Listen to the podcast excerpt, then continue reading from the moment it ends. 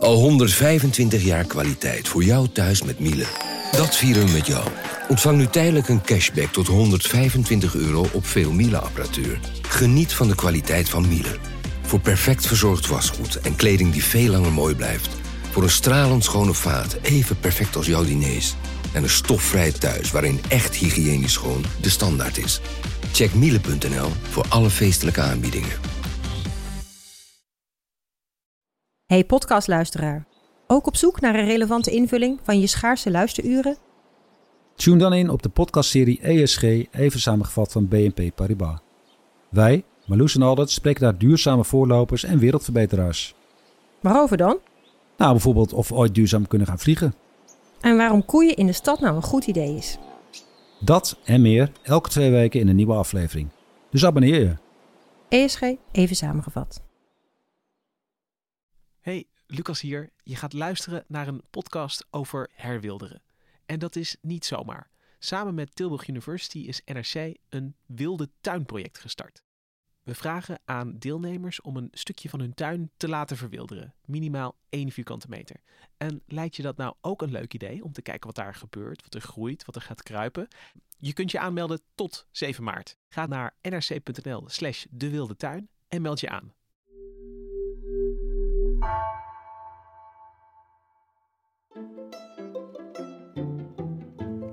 Welkom. Wij zijn Onbehaarde Apen. Dit is een podcast van NRC over wetenschap.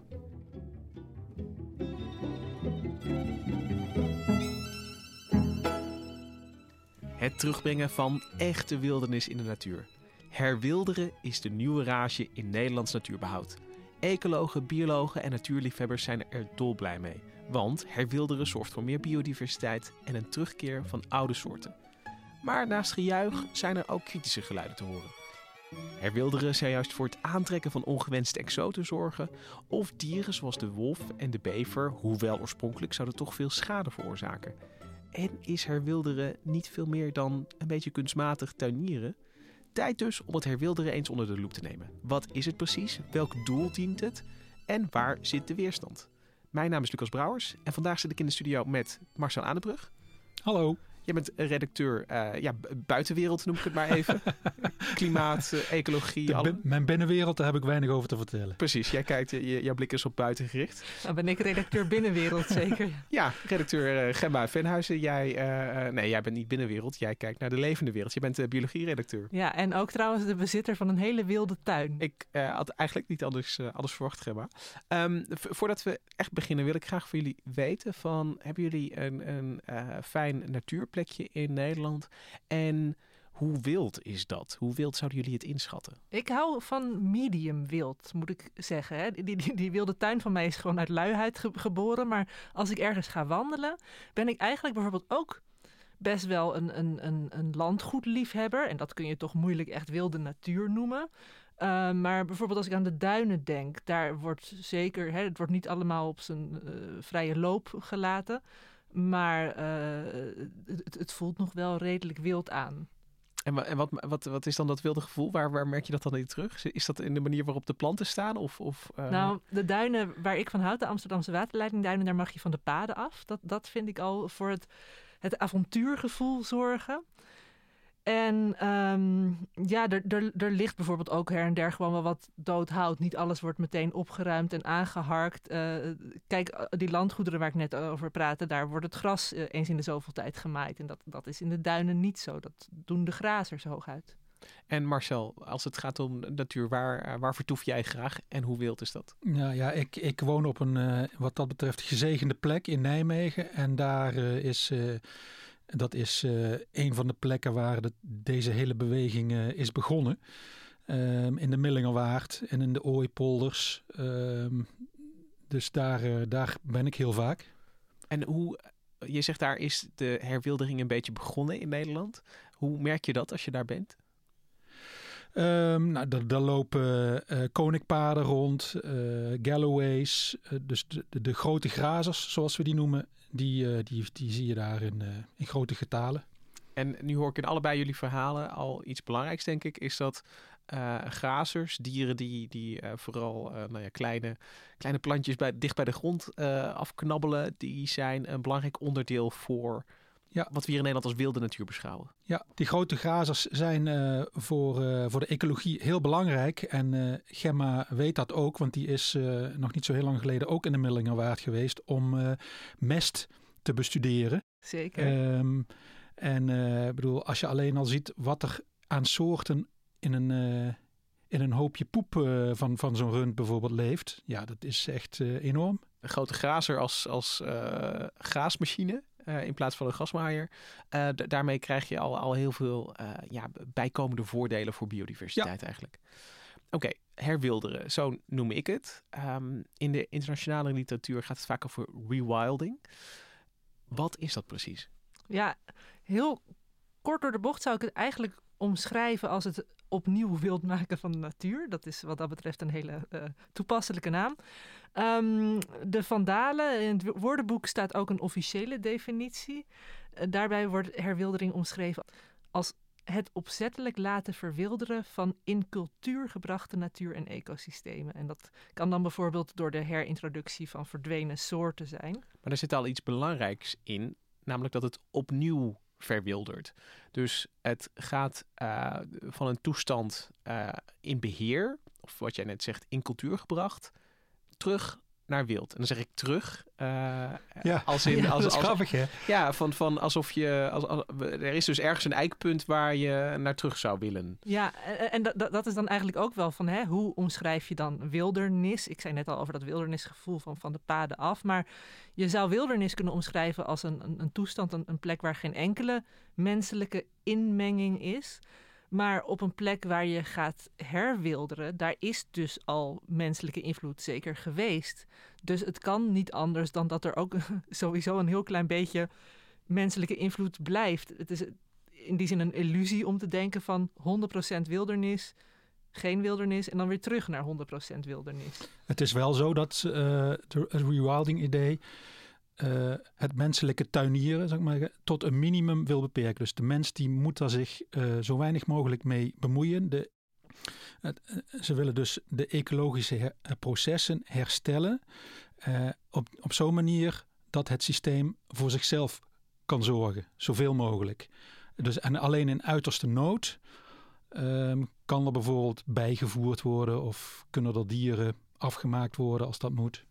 Ja, dus het, rewilden, de, de, de, herwilderen. De term gaat over, over wildernis, maar het gaat net zoveel eigenlijk over de, de, de menselijke invloed en dat die dus wordt teruggedrongen. Eigenlijk uh, neemt de mens een stapje terug en zorgt ervoor dat de juiste dieren, planten aanwezig zijn, zodat het systeem meer op zichzelf kan draaien? Ja en nee. uh, de mens grijpt minder in, um, maar de mens mag nog wel in het gebied komen. En dat, daarin verschilt de Europese aanpak een beetje met de Amerikaanse, maar daar komen we straks denk ik nog meer over te praten. Maar uh, zeker in Nederland uh, is het echt het idee dat de mens gewoon kan struinen door die gebieden. Dus wat, wat Gemma beschrijft over lekker van de paden af door de Amsterdamse waterleidingduinen, dat, dat past binnen het Nederlandse idee van herwilderen. Ja, en nou, wat ik wel interessant vind, hè, want je hebt natuurlijk gewoon, ja, uh, onvermijdelijk ga je ook nadenken over de term natuurbeheer. En in hoeverre speelt beheren nog een, een rol bij, bij rewilding?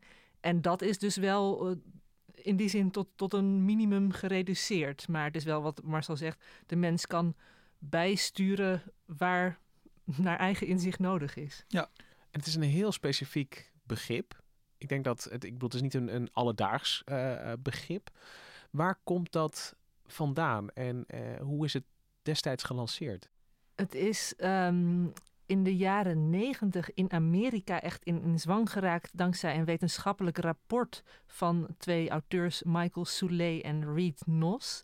Zij waren de eerste die echt uh, de diepte ingingen met het begrip. En dat rewilding, dat is ook nog een term die je in Nederland ook nog best wel vaak hoort in plaats van herwilderen. Maar zij waren niet de allereerste die de term gebruikten of die de term uitvonden.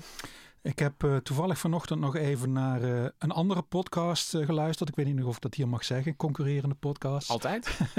Als het in ieder geval, is in ieder geval. Rewilding.org. Daar, dat, daar heb je inmiddels ergens boven de 80 podcasts over herwilderen. De eerste die gaat, dat is een interview met Dave Foreman. En dat was een natuuractivist, min of meer. Die, die vertelt daar dat hij uh, in 1992 voor het eerst die term gebruikt. En dat uh, de twee andere, de wetenschappers die Gemma net noemde, die hebben het concept van de drie C's geïntroduceerd. Ja, en die drie C's die zijn wel heel interessant. die staan voor core, van kernreservaten. Dus hè, de, de goede, goede grootschalige natuurreservaten als de kern. Corridors, dus ja, wat wij ook corridors noemen, verbindingswegen en carnivores. Dus dat zijn eigenlijk de, de, de grote soorten. Denk aan de wolf bijvoorbeeld, hè, de, echte, de, de, de roofdieren, de apex-predatoren, waar we het in een eerdere aflevering al wel eens over hebben gehad. En die samen vormen dan de drie C's die aan de, ja, hoe zeg je dat, aan, aan de basis staan van de Amerikaanse definitie van rewilding. Ja, en dan is het inderdaad, eh, de Amerikanen die leggen inderdaad veel nadruk op de carnivores. Uh, en dat is in Europa iets minder het geval. Op de een of andere manier zijn die Amerikanen gek op uh, grote vleeseters. want Dave Foreman praat in die podcast ook heel veel over jaguars en, en beren en noem maar op. En wij zijn toch nog wel in Europa, en misschien ook omdat we hier zo dicht bevolkt zijn, iets veiliger. Uh, we beginnen bij de grote grazers. Ja, en, en, en bij de herintroductie van de ooievaar en de bever en zo, daar zat ik ook aan te denken. Want uh, ik las in uh, Proceedings of the Royal Society, las ik een artikel. En dat ging ook heel erg over die Europese blik op rewilding. Um, in 2011 is ook de organisatie Re Rewilding Europe ontstaan. Maar wat in dat artikel stond, hè, is dat de Europese visie veel meer planmatig is. Hè, een soort pionierende eh, plannen uh, met een motto. If you have a vision, begin it. Dus, dus gewoon, oh, we, we, hebben een leuk nieuw idee over de herintroductie of introductie van een bepaalde grote grazer, of dus die ooievaar. Uh, en dat er dan eventjes flink met de schouders onder wordt gezet van kom jongens, we gaan zorgen dat, het, dat die soort er ook komt. Dus in die zin, ik weet niet of jij het daarmee eens bent Marcel, maar is het iets meer, zijn het losse brokken, losse projecten? Zou je dat... Hoe, wat zijn losse projecten? Nou, meer in Europa dat ze echt bijvoorbeeld hè, denken van, oh, wij willen de bever terug. Of we willen... Uh, um... Nou, het is in die zin, het is wel een... Um, er wordt wel in grote gebieden gedacht. Uh, als je kijkt naar de projecten die Rewilding Europe nu heeft, negen, dan gaat het echt om hele grote gebieden.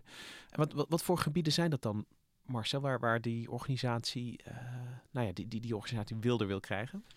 Uh, nou, bijvoorbeeld in het noordoosten van Portugal, de, de, ik weet niet precies hoe je het uitspreekt, Chau, Cau, of Coa, sorry, vallei. Uh, je hebt de, de delta, delta's in de Donau bijvoorbeeld, daar hebben ze een groot gebied. Uh, Appenijnen. Uh, in Schotland zijn ze net een heel groot project uh, begonnen.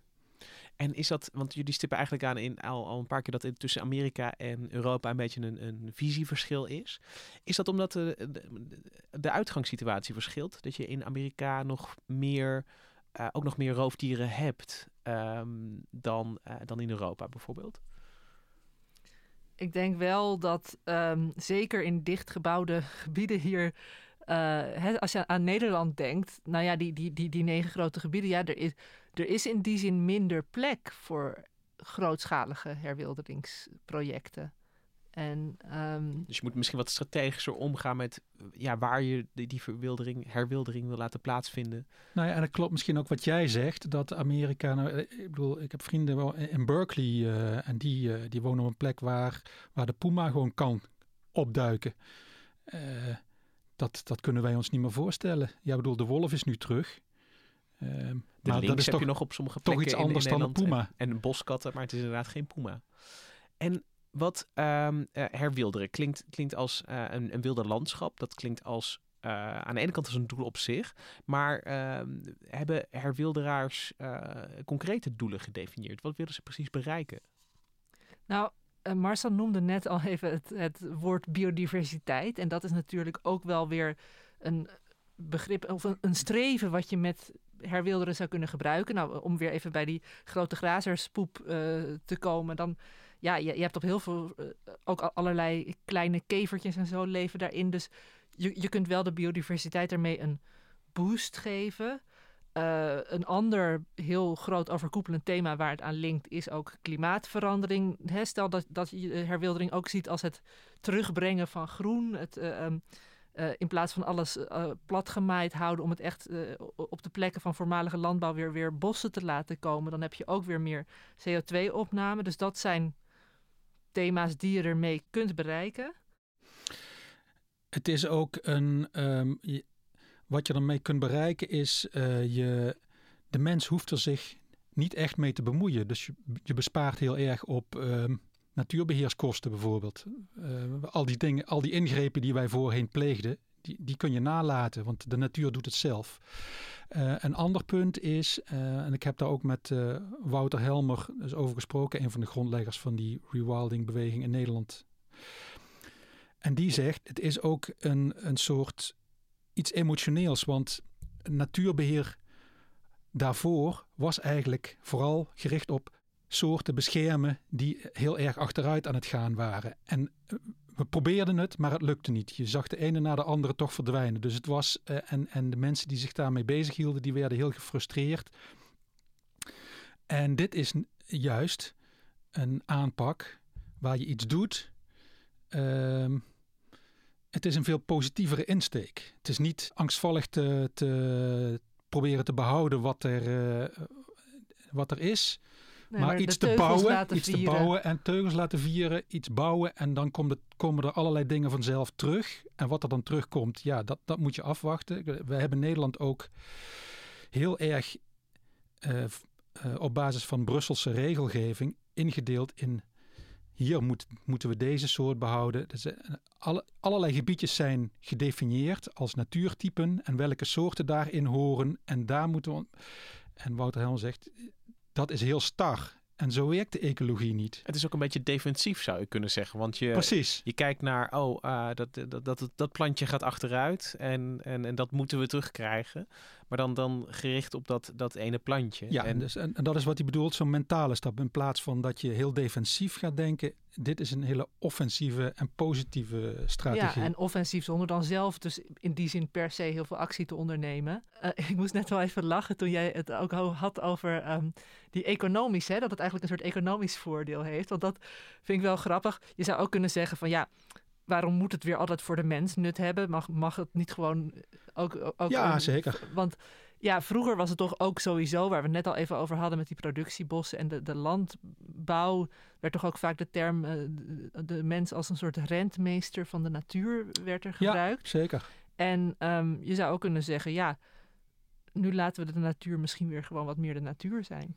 En dus de mens niet meer als rentmeester, maar wat dan? Is er nog een... Nou ja, dat... wij, wij, wij zijn eh, ehm, bezig aan een soort uh, ja, uh, ethisch, in een ethisch proces of een moreel proces. Die, die, die milieubeweging die komt op in de jaren 60 en 70 en die, die, daarna wordt natuur krijgt ook intrinsieke waarde. Uh, maar de natuur wordt in eerste instantie nog heel erg apart gezet van de mens. De mens moet zich niet bemoeien met de natuur, want daar, gaat de natuur, uh, daar leidt de natuur van. De laatste 10, 15 jaar zie je veel meer een proces. De mens is onderdeel van de natuur en wij moeten ons opnieuw leren verhouden tot die natuur. Hoe hebben wij daar een plaats in? Wij, wij, we beseffen ons dat we er onderdeel van uitmaken en hoe ziet die relatie met andere niet-menselijke wezens eruit? En wanneer uh, eind jaren 90 komt dat herwilderen echt, echt op.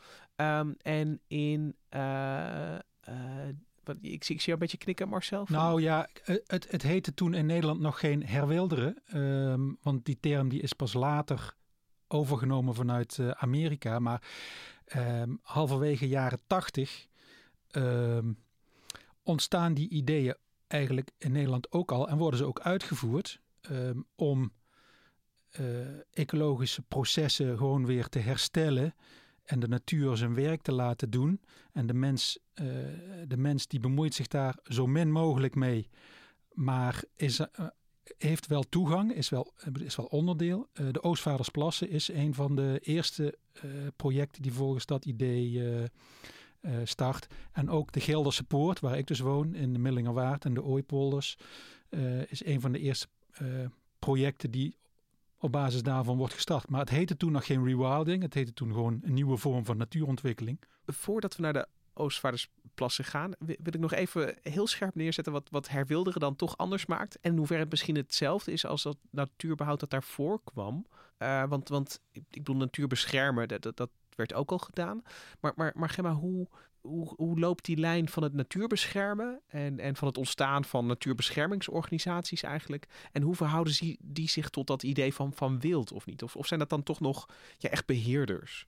Nou, als je echt even nog iets verder terug in de tijd gaat dan de jaren 70, 80. Um, hè, denk aan het eind van de middeleeuwen bijvoorbeeld. Destijds was natuur, wildernis vooral toch nog iets om, om bang voor te zijn. Wat mensen angst inboezemde. En ook misschien wel terecht. Want juist in een, in een dicht bos konden roofdieren leven. Maar konden zich ook struikrovers schuilhouden. En geleidelijk zag je zo met de romantiek dat die wildernis ook mensen inspireerde. Hè? Dat, dat schilders ook juist die, die, die, die woestheid van de natuur uh, mooi in beeld brachten. En dat er de lofzangen op geschreven werden door, door dichters en, en, en door schrijvers. Um, maar nog steeds was er wel. Wildernis was iets om ontzag voor te hebben. Eigenlijk met de industriële revolutie, halverwege de 19e eeuw, toen werden de woeste gronden ontgonnen en, en, en werden wegen aangelegd. En uh, ja, kwam er wat, wat meer overwicht op de natuur, zou je het kunnen zeggen. Land werd, werd gecultiveerd. En rond diezelfde tijd zag je ook in Nederland wel de eerste natuurbeschermers, als je zo kunt noemen. Frederik van Ede onder andere, die schreef al iets over dat hè, we moeten wel oppassen, want als we al het land in cultuur gaan brengen, dan blijft er geen natuur meer over. Dus mensen hebben dan wel in de de indruk dat er iets verloren gaat met, met al dat uh, ja, voortschrijden van, uh, uh, van de technologie en, en de, de, cultivering van het landschap. Zeker, ja, je had um, in Amerika had je bijvoorbeeld Henry Thoreau, de, de schrijver van Walden, die, die man die een tijd in Walt Whitman ook. Ja, ja en John Muir, ik weet niet hoe je het uitspreekt, die eigenlijk ervoor heeft gezorgd dat Yosemite park uh, beschermd werd en daarmee ook de basis legde voor het ontstaan van de nationale parken in Amerika. Dus er waren echt wel mensen die dachten: oh, we moeten op de bres springen voor de natuur. Maar dat, dat is in de, de context van natuurbehoud. Dat is wat je, wat je zegt: het beschermen van, van het landschap. Uh, bij wijze van spreken een hek eromheen en zeggen: van hier, hier komen we niet meer aan. Dat, dat, dat zou je zeg maar bijna de eerste stap kunnen, kunnen noemen van. Hè, dus dat je eh, nog naar een beetje wilde uh, ja, stukjes gaat kijken en zegt van daar blijven we dan vanaf. Ja, want uh, in die zin werd het ook steeds georganiseerder. Um, hè, zo ongeveer een eeuw geleden kwam dan, kwamen dan echt de natuurbeschermingsorganisaties, natuurmonumenten. Staatsbosbeheer was aanvankelijk nog vooral echt wel voor die houtproductie, maar is natuurlijk ook geleidelijk steeds meer een, een natuurbeheerdersfunctie gaan vervullen. Um, maar het is nog wel wat je zegt. het, het, was meer hek eromheen en, en beschermen. Het was nog wel echt zoiets van de, de, de mens moest zich over de natuur ontfermen in, in, in, in, die, in die visie. Ja, precies. Dus, dus je, we zitten dan toch in een soort wereld waarin uh, ja, de, de mens die, die spreidt zijn tentakels uit over het landschap. Er zijn nog plukjes wild. Daar kun je een hek omheen zetten en dat uh, behouden, beschermen. Er zijn ook ja, wat duidelijk meer gecultiveerde stukjes. Maar, maar die, die, die beschouwen we dan niet echt als natuur, zo'n productiebos. Ja, dat, dat, dat kan uh, de, de goede bomen, maar het is wel een, een, een, menselijk landschap en wordt dus ook als zodanig beheerd en gezien. Ja, en dat was zeker zo in de eerste helft van de vorige eeuw was het dat nog echt, eh, echt die, die productiefunctie het geval. En dan wat Marcel zegt, eigenlijk zo'n beetje vanaf de jaren zestig kwam steeds meer dat milieubesef. En wat dat betreft is het wel een mooie opeenvolgingen. We noemden net al kort de Oostvaardersplassen, maar dat slaat heel erg aan bij het, het moment waarop dus eigenlijk die, die, die milieubeweging, hè, meer die, die soort van droom om de natuur de ruimte te geven, eh, na die productiefunctie wat, wat meer de boventoon ging voeren. En dat was in 1968. Toen werd zuidelijk Flevoland ingepolderd. En daarmee werd eigenlijk al de kiem gelegd voor de Oostvaardersplassen. Want het was het diepste deel van die polder en daar verzamelde al het regenwater zich. En eigenlijk zou er een industrieterrein komen, maar in afwachting daarvan ontstond er een moeras. En ehm, een deel daarvan werd ontwaterd en tijdelijk ingericht als landbouwgebied. Maar een ander deel werd een voorlopig vogeltoevluchtsoord. En uh, dat is waar nog eens tien jaar later, dus eind jaren zeventig, uh, was die vogelrijkdom zodanig dat biologen dachten: hé, hey, er is hier iets bijzonders aan de hand. We willen hier helemaal geen industrieterrein. Dit, dit moet behouden blijven. En toen kwam Frans Vera, een, naam, ja, de, eh, een ecoloog die vaak gewoon in één adem wordt genoemd met de Oostvaardersplassen. Belangrijke uh, naam. Zeker, ja. Die, die schreef toen in een artikel, uh, omschreef hij de Oostvaardersplassen als een samenhangend ecosysteem. Waarin grauwe ganzen een hoofdrol speelden, kun je zeggen. Want uh, ja, die hielden de vegetatie divers en uh, die aten dan het riet op. En zorgden ervoor dat het moerasgebied zodanig bleef dat er allerlei bijzondere soorten, de zeearend noemde die ook, uh, de zilverreiger, dat die allemaal daar, daartoe ja daar naartoe zouden kunnen De gouden ganzen waren eigenlijk de grote grazers van dat moerasgebied. Dat allitereert zo ervoor, lekker, ja. Zorgden ervoor dat het moerasgebied open bleef. En Frans Vera zat ook op een hele belangrijke plek. Want hij was eerst bij Staatsbosbeheer en later bij LNV. Dus hij had ook... Uh, Connecties. De politieke mogelijkheid om dat te doen. En het begint nog steeds, de, dit inzicht, uh, op, op de oude wijze. Weet je, er wordt natuur gezien uh, en dat moeten we beschermen, stimuleren. Uh, dus, dus die omstandigheden zijn er voor die, voor die, voor die vogels. En uh, wordt dit dan het, het eerste herwilderingsproject in Nederland? Ja, zo kun je het wel noemen. En dat was ook vanuit die. Kijk, Frans Vera behoorde tot een nieuwe lichting ecologen. die ook steeds. die meer van dat, vanuit dat systeemdenken uh, waren opgeleid. En, en wat, wat zijn dan de. Um, welke keuzes worden dan gemaakt. waardoor je kunt zeggen: dit is herwildering en dit is niet natuurbeheer oude stijl? Nou, uh, in navolging van, van die, die vogels kwamen er begin jaren tachtig um, uh, kwamen, kwamen er ook grote grazers in het gebied. Uh, die werden geïntroduceerd dus, niet vanzelf. En toen ontstond eigenlijk de hoofdvisie van de Oostvaardersplassen, waarin dat wel goed wordt uitgelegd. En in die hoofddoelstelling wordt eigenlijk wel mooi de het antwoord op jouw vraag gegeven. Want ze schrijven: natuurlijke processen bepalen de structuren en patronen in, in het gebied. En uh, die moeten samen ruimte geven aan Europese inheemse planten en diersoorten. Dus het is dat natuurlijke processen bepalen, dus niet ja. de mens bepaalt. Dat is denk ik waar de kiem ligt voor dat herwilderen. De natuur die moet zichzelf redden. Zal ik maar. Dus, dus je hebt de ecologische processen die zichzelf in stand houden. En daar heb je dus ook al die verschillende lagen uit de voedselketen voor nodig. Uh, onder andere die grote grazers. Uiteindelijk ook het liefst uh, grote vleeseters. Uh, daar zijn we in Europa iets langzamer mee. Maar, maar die horen er dus ook bij. En, en, en, dus minimaal ingrijpen van de mens.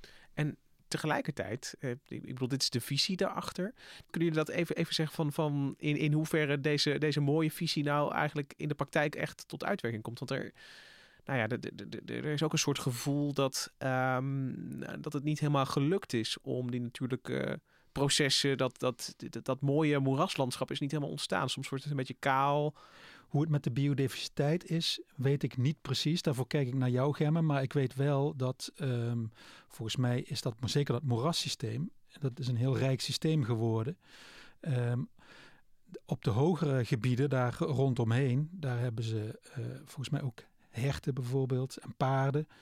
Um, ja, het is wel met dat moeras staat dus ook nog wel een beetje. Zijn ze door de decennia heen qua beheer wel ook gaan kijken van ja, welke waterstand is nou optimaal? Want dat is ook weer als je het heel erg gaat vernatten of verdrogen, dan komen er ook weer andere soorten. En dan komen die grauwe ganzen, dus die, die rietmaaiers noem ik ze maar even, komen wel of niet. Dus daar is wel mee gespeeld en ook wel wat, wat ingegrepen. Maar... En het gaat altijd over die grote grazers en of ze geen honger krijgen omdat, ze, nou, omdat het te kaal is. Nou, maar die zitten, die zitten buiten dat moerasgebied. Ja, maar, maar dat is wel interessant.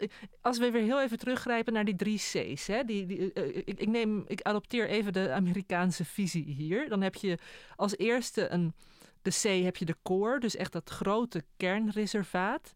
Ehm, daarbij kun je je van de Oostvaardersplassen al afvragen of het groot genoeg is met 56 vierkante kilometer. Uh, de tweede C, de corridor is ook interessant omdat aanvankelijk werd uh, een, een, corridor naar het Horsterwold beoogd, waar ook meer bomen zijn. Dus die grote grazers die kwamen vooral in het nieuws tijdens de strenge winters en dat ze geen beschutting konden vinden, ook los nog van uh, voedseltekort. En dat was met het Horsterwold opgelost, maar daar heeft toenmalig staatssecretaris Bleker in 2010 een stokje voor gestoken. Um, en dan heb je nog de, de C, de carnivoren. Um, ja, er is ook nog geen, geen wolf in de Oostvaardersplassen die dan de aantallen grote grazers in toom kan houden. Dus in die zin zou je kunnen zeggen dat het vanuit Amerikaanse visie nog niet helemaal strookt met een geslaagd herwilderingsproject. Het had beter gekund, maar uh, ik was een aantal geleden uh, voor het Wilde Tuinproject uh, bij een een hoogleraar in Aarhus in Denemarken. En die kende het project ook, het Oostvaardersplassen project. En hij zei dat het volgens hem ook te, ermee te maken had dat de mensen daar geen toegang hadden tot dat gebied. Um, en daarom is dat in dat, Neder in dat Nederlandse Europese idee zo belangrijk dat ook mensen in die herwilderingsgebieden kunnen struinen. Uh, er zijn, uh, en dat, dat heeft meer dus met, met uh, moraliteit te maken. Ehm, de, de mensen waren vooral uh, boos over dat er paarden bijvoorbeeld uh, verhongerden. Um, dus die mensen die gingen de, gewoon bijvoeren. Die gingen balen hooi over de hekken gooien. Ja, het voelde alsof die dieren aan hun lot werden overgelaten. Ze waren afgeschermd van, uh, van de, de, de, rest van Nederland eigenlijk. Ja. Er stond een hek omheen. Er, er rijdt weliswaar een trein doorheen. Maar je kon er als, als mens kon je er niet inkomen. Ja. Um, en uh, dat, dat voedde de weerstand, omdat het voelde alsof daar zitten dieren die, die lijden. Volgens deze Deense hoogleraar inderdaad. En ik heb daar Wouter Helmer zegt ook inderdaad dat het, het is heel belangrijk, en misschien onderschatten we dat, maar het is heel belangrijk dat mensen toegang hebben tot zo'n gebied, omdat ze zich daarmee uh, op een gegeven moment... Um, ja, dan wordt zo'n gebied een soort thuis. Of uh, bedoel, je accepteert het gebied uh, makkelijker. Ja, en we hebben eerder natuurlijk ook wel een podcast over de Oostvaardersplassen gemaakt, waarin deze dilemma's ook aan de orde komen. Want het is natuurlijk, er zijn verschillende visies en het is uh, ja. in die zin wel op, op scherp gesteld. En uh, Frans Vera heeft ook wel een hoop gedoe over zich heen gekregen van mensen die echt, echt boos op hem waren. Uh, terwijl het wel vanuit een hele mooie gedachte is ontstaan, vind ik, het hele, hele project. En, en hoe uh, zou je dan een, een soort herwilderings ja, stappenplan uh, kunnen formuleren? Van, van hoe ziet uh, herwilderen er nu uit in Nederland? heb je een geweer nodig om overtollige herten af te schieten? hoeveel hout moet je laten liggen? weet je, wat zit er nou in nou het... ja, je hebt om te beginnen een gebied nodig. Ja. En in Nederland is dat lastig. Ja. Maar in Europa heb je volop mogelijkheden. Want dat is ook nog een, een trend die ik nog niet genoemd heb. Maar uh, landleegloop is enorm in Europa. Als je ziet hoeveel uh, plattelandsgebieden er gewoon worden verlaten, jongeren die daar uh, in die kleine dorpjes in Noord-Portugal bijvoorbeeld geen enkele mogelijkheid Frankrijk, meer zien. Spanje, Duitsland. Ja, dat... Oost, Oost-Europa ook enorm. Ja. Dus, dus die, die landleegloop is echt heel heftig in Europa. Um, dus er komen enorme, enorme gebieden vrij. Oké, okay, er komt een enorm gebied je, vrij. En dat, ja. Ja, en, en wat is dan de volgende stap? Moet je dan een, een, een wagonlading uh, paarden, herten, uh, runderen loslaten? Bijvoorbeeld, want dat is wat Wouter helemaal zegt. Dus dat hij vanuit heel Europa vragen krijgt van uh, hoe, hoe komen wij aan die grote grazers? Dus we hebben nu een land met, uh, we zitten er uh, gazers uh, in. Je kunt nog verbindingen creëren. Dat wordt Rewilding Europe doet dat ook. Als ze grote gebieden aankopen waar ze dan ergens nog verbindingen moeten aanleggen. Waar die wat grotere dieren ook gewoon overheen kunnen en durven lopen. Dus we hebben nu het land met gazers erin en een mooie aansluiting. De, de, hout moet je laten liggen. Dat... Ook dat is een inzicht van de laatste um, uh, 10, 15 jaar. Ik bedoel, wat er allemaal op dood, dood hout leeft. ook als er een van die grote grazers uh, dood neervalt, uh, moet ik hem laten liggen? Ja, als... kadavers zijn ook heel zijn prachtig voor de biodiversiteit. Ja. Um, dood doet leven. Alles, alles wat verschillende niches kan, kan uh, veroorzaken. Ja. En, en ook, nou dat is ik weer aan die Millingerwaard te denken, Marcel. En, en toen mijn, mijn mestreportage, dat ging ook heel erg over van ja, qua ontwormingsmiddelen bijvoorbeeld. Want bij uh, gedomesticeerde grazers, die krijgen nog allerlei middelen tegen wormen toegediend. Terwijl daar had je in de Millingerwaard, zag het geel van het boerenwormkruid toen ik er was. Omdat het dan weer een natuurlijke manier om die, die grazers ook wat zelfredzamer te, te laten zijn. En, um, Omdat ze dat dan eten als een geneesmiddel. Ja.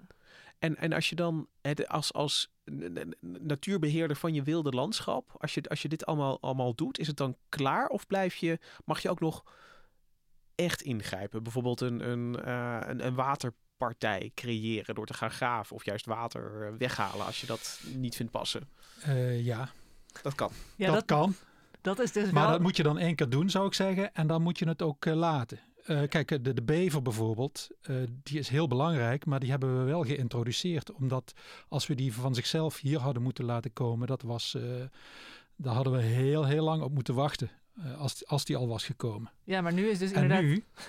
Ja, nu, nu is hij weer zo, zodanig op zijn plek in, in Nederland dat hij zich zodanig thuis voelt dat hij ook op plekken komt te zitten waar wij hem niet per se willen. Uh, hè? Dat, dat hij dijken ondermijnt en dergelijke. En, ja, dus daar zul je dan vervolgens toch weer iets aan moeten doen in het volle Nederland. Ja, en dat is dus wel, vind ik ook het, het interessante en misschien ook een beetje het, het verwarrende aan het hele begrip herwildering. Het kan op verschillende plekken ook weer verschillende dingen betekenen. En dat is, denk er is niet een heel strak iets van, oh je mag 5% ingrijpen en zo om het herwilderen te noemen. En dat zijn mensen ook nog een beetje aan het, um, aan het uitzoeken. Maar ik denk dat het wel meer de, de intentie is waar jij het aan het begin over had, Marcel, om gewoon een beetje. Ik, ik ga nu ook, merk ik letterlijk. Ik ga nu ook letterlijk naar achter leunen in mijn stoel, uh, weg, bij, weg, weg bij de microfoon. Uh, om, om, om niet de hele tijd meteen al te willen ingrijpen. Ik denk, ik heb geen kinderen, maar ik kan me voorstellen dat met opvoeden heb je ook verschillende stijlen. En de een is wat proactiever en de ander is wat meer uh, reactief en dergelijke. Dus het is ook gewoon durven om die teugels te laten vieren en dan zien wat er is. Maar tegelijkertijd ook durven om, als het op de een of andere manier echt de hand uitdreigt te lopen, om dan wel je verantwoordelijkheid te nemen. Want dat vind ik ook, en dat is denk ik in die Oostvaardersplassen kwam dat aan de orde, maar ook in uh, discussies over de wolf. Van ja, als we kiezen voor, uh, voor herwildering, maar vervolgens raken er allemaal boeren hun schapen kwijt. Dat wordt nu gelukkig dan ook gedaan, dat ze wel worden, economisch worden gecompenseerd. Want uh, dat, het is niet zo van, oh we laten de boel de boel en iedereen heeft maar pech. En ja, ik, ik begin uh, nu, nu te begrijpen waar jullie het over hebben. Want ik vraag, ik, ik vraag al een paar keer om een stappenplan uh, eigenlijk. En, en jullie uh, geven eigenlijk keer op keer aan van je moet het, je moet het een beetje aanvoelen. Het, het, is, het is meer een, nou ja, een, een, een bedoel, filosofie. Ja. Het is meer een, een, een, een, een denkframe dan dat het dan, dan een recept wat je kan volgen om een wild landschap te krijgen. Wij, wij zijn als mensen ook in een nieuw uh, experiment gestapt. We hebben zo die natuur zo lang gedomineerd en gekleineerd en steeds verder uitgeschakeld. En die biodiversiteitsafname, uh, bedoel, er wordt gesproken over de zesde uitstervingsgolf. Ja, hopelijk is dit een, een nieuwe aanpak die dan die biodiversiteitsafname uh, kan, kan afremmen. Als ik iets van natuurbeheerders en uh, ecologen afweten, is dat ze, uh, dat ze, we stipten het al even aan, behoorlijk van mening kunnen verschillen over wat dan het beste is. Dit idee van herwildering is, is geïntroduceerd als term, als begrip, als filosofie, als levenshouding. Maar wie zijn nou de mensen die daar kritiek op hebben? Die zeggen van uh, dit is niet de goede weg of het is misschien een beetje hol. Ja, klinkt, klinkt die kritiek en, en waar Ja. komt die vandaan? Nou, we hebben er eigenlijk en passant al een paar eh, pijnpunten benoemd. Hè? Eh, onder andere de, de, de, de liefhebbers van de, van de paarden in de, de Oostvaardersplassen... die dachten, oh nee, de paarden verhongeren wat nu. Dus echt, ik, ik noem maar even kort door de bocht, eh, de activisten... Ehm, je hebt de, de boeren die terecht ook, kan ik me voorstellen, zich soms zorgen maken over hun kuddes als de wolf dichterbij komt. Ehm, wat ik zelf een interessant voorbeeld vond. Die twee voorbeelden die ik nu noem zijn heel concreet. Maar je hebt tegelijkertijd ook mensen die misschien toch nog iets van die oerangst waar we het eerder over hadden. Een soort, een soort ingebakken angst die je nog een beetje uit sprookjes voelt en zo voor de wildernis uh, hebben. Dat vond ik een heel mooi voorbeeld uit het Verenigd Koninkrijk. Uh, want daar was een milieuactivist, Chris Peckham, die zei dat de, de, de koninklijke gronden, de koninklijke natuurgronden, ook zouden moeten worden verwilderd. En toen was er ene Lord Marland, die zei van nee, dat kunnen we niet doen, want uh, dan worden de hondjes van Queen Elizabeth gegrepen door een wolf of een beer. Dus dat is wel heel erg op de emotie inspelen. Maar die emotie, die is er denk ik bij sommige mensen nog wel. Van, oh, uh, kan dat wel? En um, dat is misschien ook, we hadden het helemaal aan het begin over het herwilderen van tuinen. Wat sommige mensen in de tuin hebben. Van ja, maar als ik mijn tuin op de, uh, de vrije loop laat, nog los van of je het mooi vindt of niet, komen er dan niet allemaal insecten die mij gaan bijten of wat dan ook op af. Maar dat zijn, uh, zou ik maar zeggen, burgers, en je noemde net ook boeren, of er binnen de natuurorganisaties kritiek is op het rewilding-idee, weet ik eigenlijk niet. Ik denk eerder dat je wel kunt zeggen dat er wat, wat um, meningsverschillen, wat we net al zeiden, kan, je kunt uh, rewilding light of echt uh, complete herwildering nastreven. En dat is dan ook wel weer per organisatie verschillend. En uh, wat Marcel net al zei over Staatsbosbeheer, dat die ook nu ze wat meer hun eigen broek moeten ophouden, wat meer op de productiefunctie zitten. Ja, zullen ze misschien ook op het gebied van herwildering weer andere keuzes maken. Maar dat, dat is, zoals ik dat nu zeg, een beetje giswerk wat dat betreft hoor. Maar, maar herwildering is een nieuwe wind in ieder geval die door de natuurorganisaties heen waait. En, en wat ik jullie ook hoor zeggen is dus dat daarin um, eigenlijk mensen ook opnieuw kennis moeten maken met wildernis en wat, wat een wild dier is. En wat ze in wildere natuur zouden tegenkomen. Zoals een, um, ik, ik, kan me voorstellen dat het misschien schrikken is als je een uh, dood paard zou zien liggen uh, op, tijdens je wandeling. Zeker. Of een beer tegenkomt. Daar, daar hebben we het nog niet over gehad, over, over de beer. Wat voor plannen bedoel, heb je uh, Rewilding Europe heeft ook een, een project in de Appenijnen... waarbij ze een heel groot gebied... Nou ja, meer ruimte voor uh, de, de beer, de berensoort die daar leeft. Uh, ik ken dit soort projecten bijvoorbeeld in Amerika. Er zijn gebieden in Amerika, op de grens van Canada en Amerika. Um, daar uh, proberen ze allerlei gebieden aan elkaar te koppelen, zodat de, de, de bruine beer daar meer bewegingsruimte heeft. En mensen moeten dan ook opgevoed worden om uh, bijvoorbeeld geen rommel meer te laten slingeren. Ze krijgen bear-proof uh, emmers om het afval in te doen.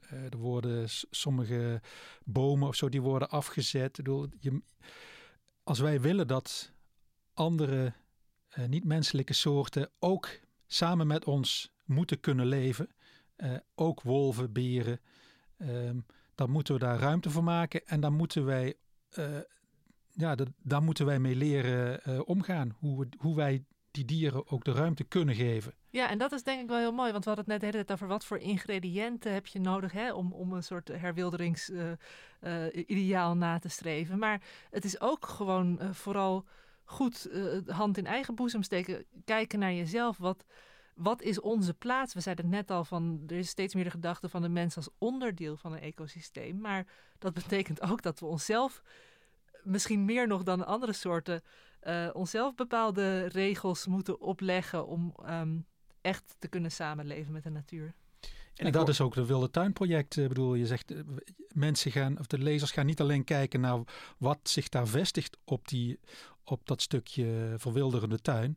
Maar eh, een belangrijk onderdeel van dit experiment is ook wat het met hunzelf doet.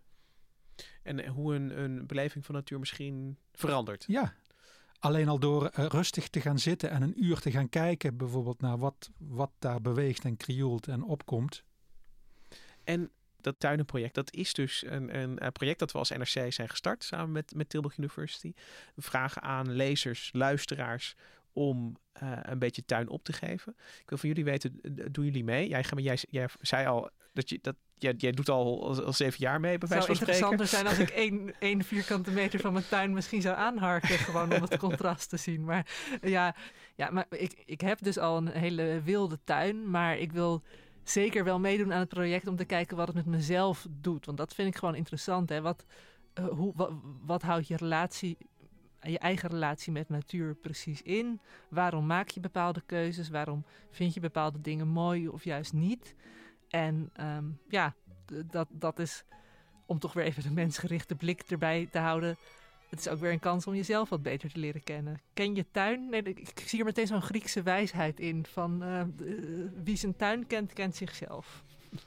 En Marcel, hoe uh, laat jij een stukje tuin verwilderen? Um, nou, ook bij, ook bij, mij is dat al gebeurd. Uh, wat, wat, wat, eerder al ter sprake kwam, de voortuin die, uh, die zit, zit vol met, uh, met jonge eikenscheuten. Dus het zou inderdaad voor mij ook eerder zijn om misschien een stukje vrij te maken van de eikenscheuten en kijken of er dan nog iets anders verschijnt. En, en nou ben ik ook wel een beetje, want jij bent tot nu toe een beetje de dans ontsprongen, Lucas. hoe ziet jouw tuin eruit en, en wat, ga jij iets laten verwilderen of doe je dat al? Ja, ik zit in de omstandigheid dat ik van grond ga wisselen. Uh, er komt een verhuizing aan naar een, een, een nieuwbouwhuis uh, aan met uh, ja, dus, dus net vrijgemaakte grond. dus daar wil ik zeker wel wat proberen. Ehm, maar in de tussentijd ja, ga ik toch niet uh, de boel de boel laten in de tuin die ik nu nog bezit. Want ik moet het huis verkopen. En ik weet niet hoeveel mensen zitten te wachten op een wilde tuin. Maar daar, daar ga je al met uh, hè, van wat, wat verwachten mensen van, uh, van een tuin. Dus, ja, en zo hou je ook de mode in stand. Want als we zo meteen allemaal een wilde tuin hebben, dan wordt dat echt het summum misschien. Ja, ik, ik alleen kan het systeem natuurlijk niet veranderen. Um, maar wat, ik denk dat we al een klein steentje bijdragen met, met ons wilde tuinproject. En we hebben ook inmiddels al meer dan 7000 deelnemers. Dus dat betekent dat we over heel Nederland, als het goed oh. is, een, uh, al sowieso een voetbalveld uh, hebben. Uh, aan, aan wilde natuur erbij. Dus dat hebben we gratis en voor iets geregeld als NRC en Tilburg University. dus dat is, dat is toch ook al winst. Um, en dan ga ik me nu toch even tot de luisteraars richten. Van als je nog uh, als je enthousiast bent geworden over uh, dit idee, dit project. Of je met ons mee wil onderzoeken wat er daarop kan gebeuren. Wat je daar kan zien, wat je daar kan beleven. Ga dan naar nrc.nl slash de wilde tuin en meld je daar aan. En dan, dan kun je een nieuwsbrief ontvangen. Dan ontvang je ook een welkomstpakket. En dan nou ja, gaan we je meenemen in jouw eigen stukje wilde tuin. Je kunt je nog opgeven tot 7 maart. Uh, voor nu wil ik jullie heel erg bedanken, uh, Marcel en Gemma, dat jullie hier kwamen vertellen over wildernis en hoe het denken over herwildering is uh, veranderd en gegroeid de afgelopen jaren. Rosa van Toledo, bedankt voor de productie van deze aflevering. De muziek die je hoort, die is gespeeld door het Dudok Quartet. En wij zijn er volgende week weer. Tot dan!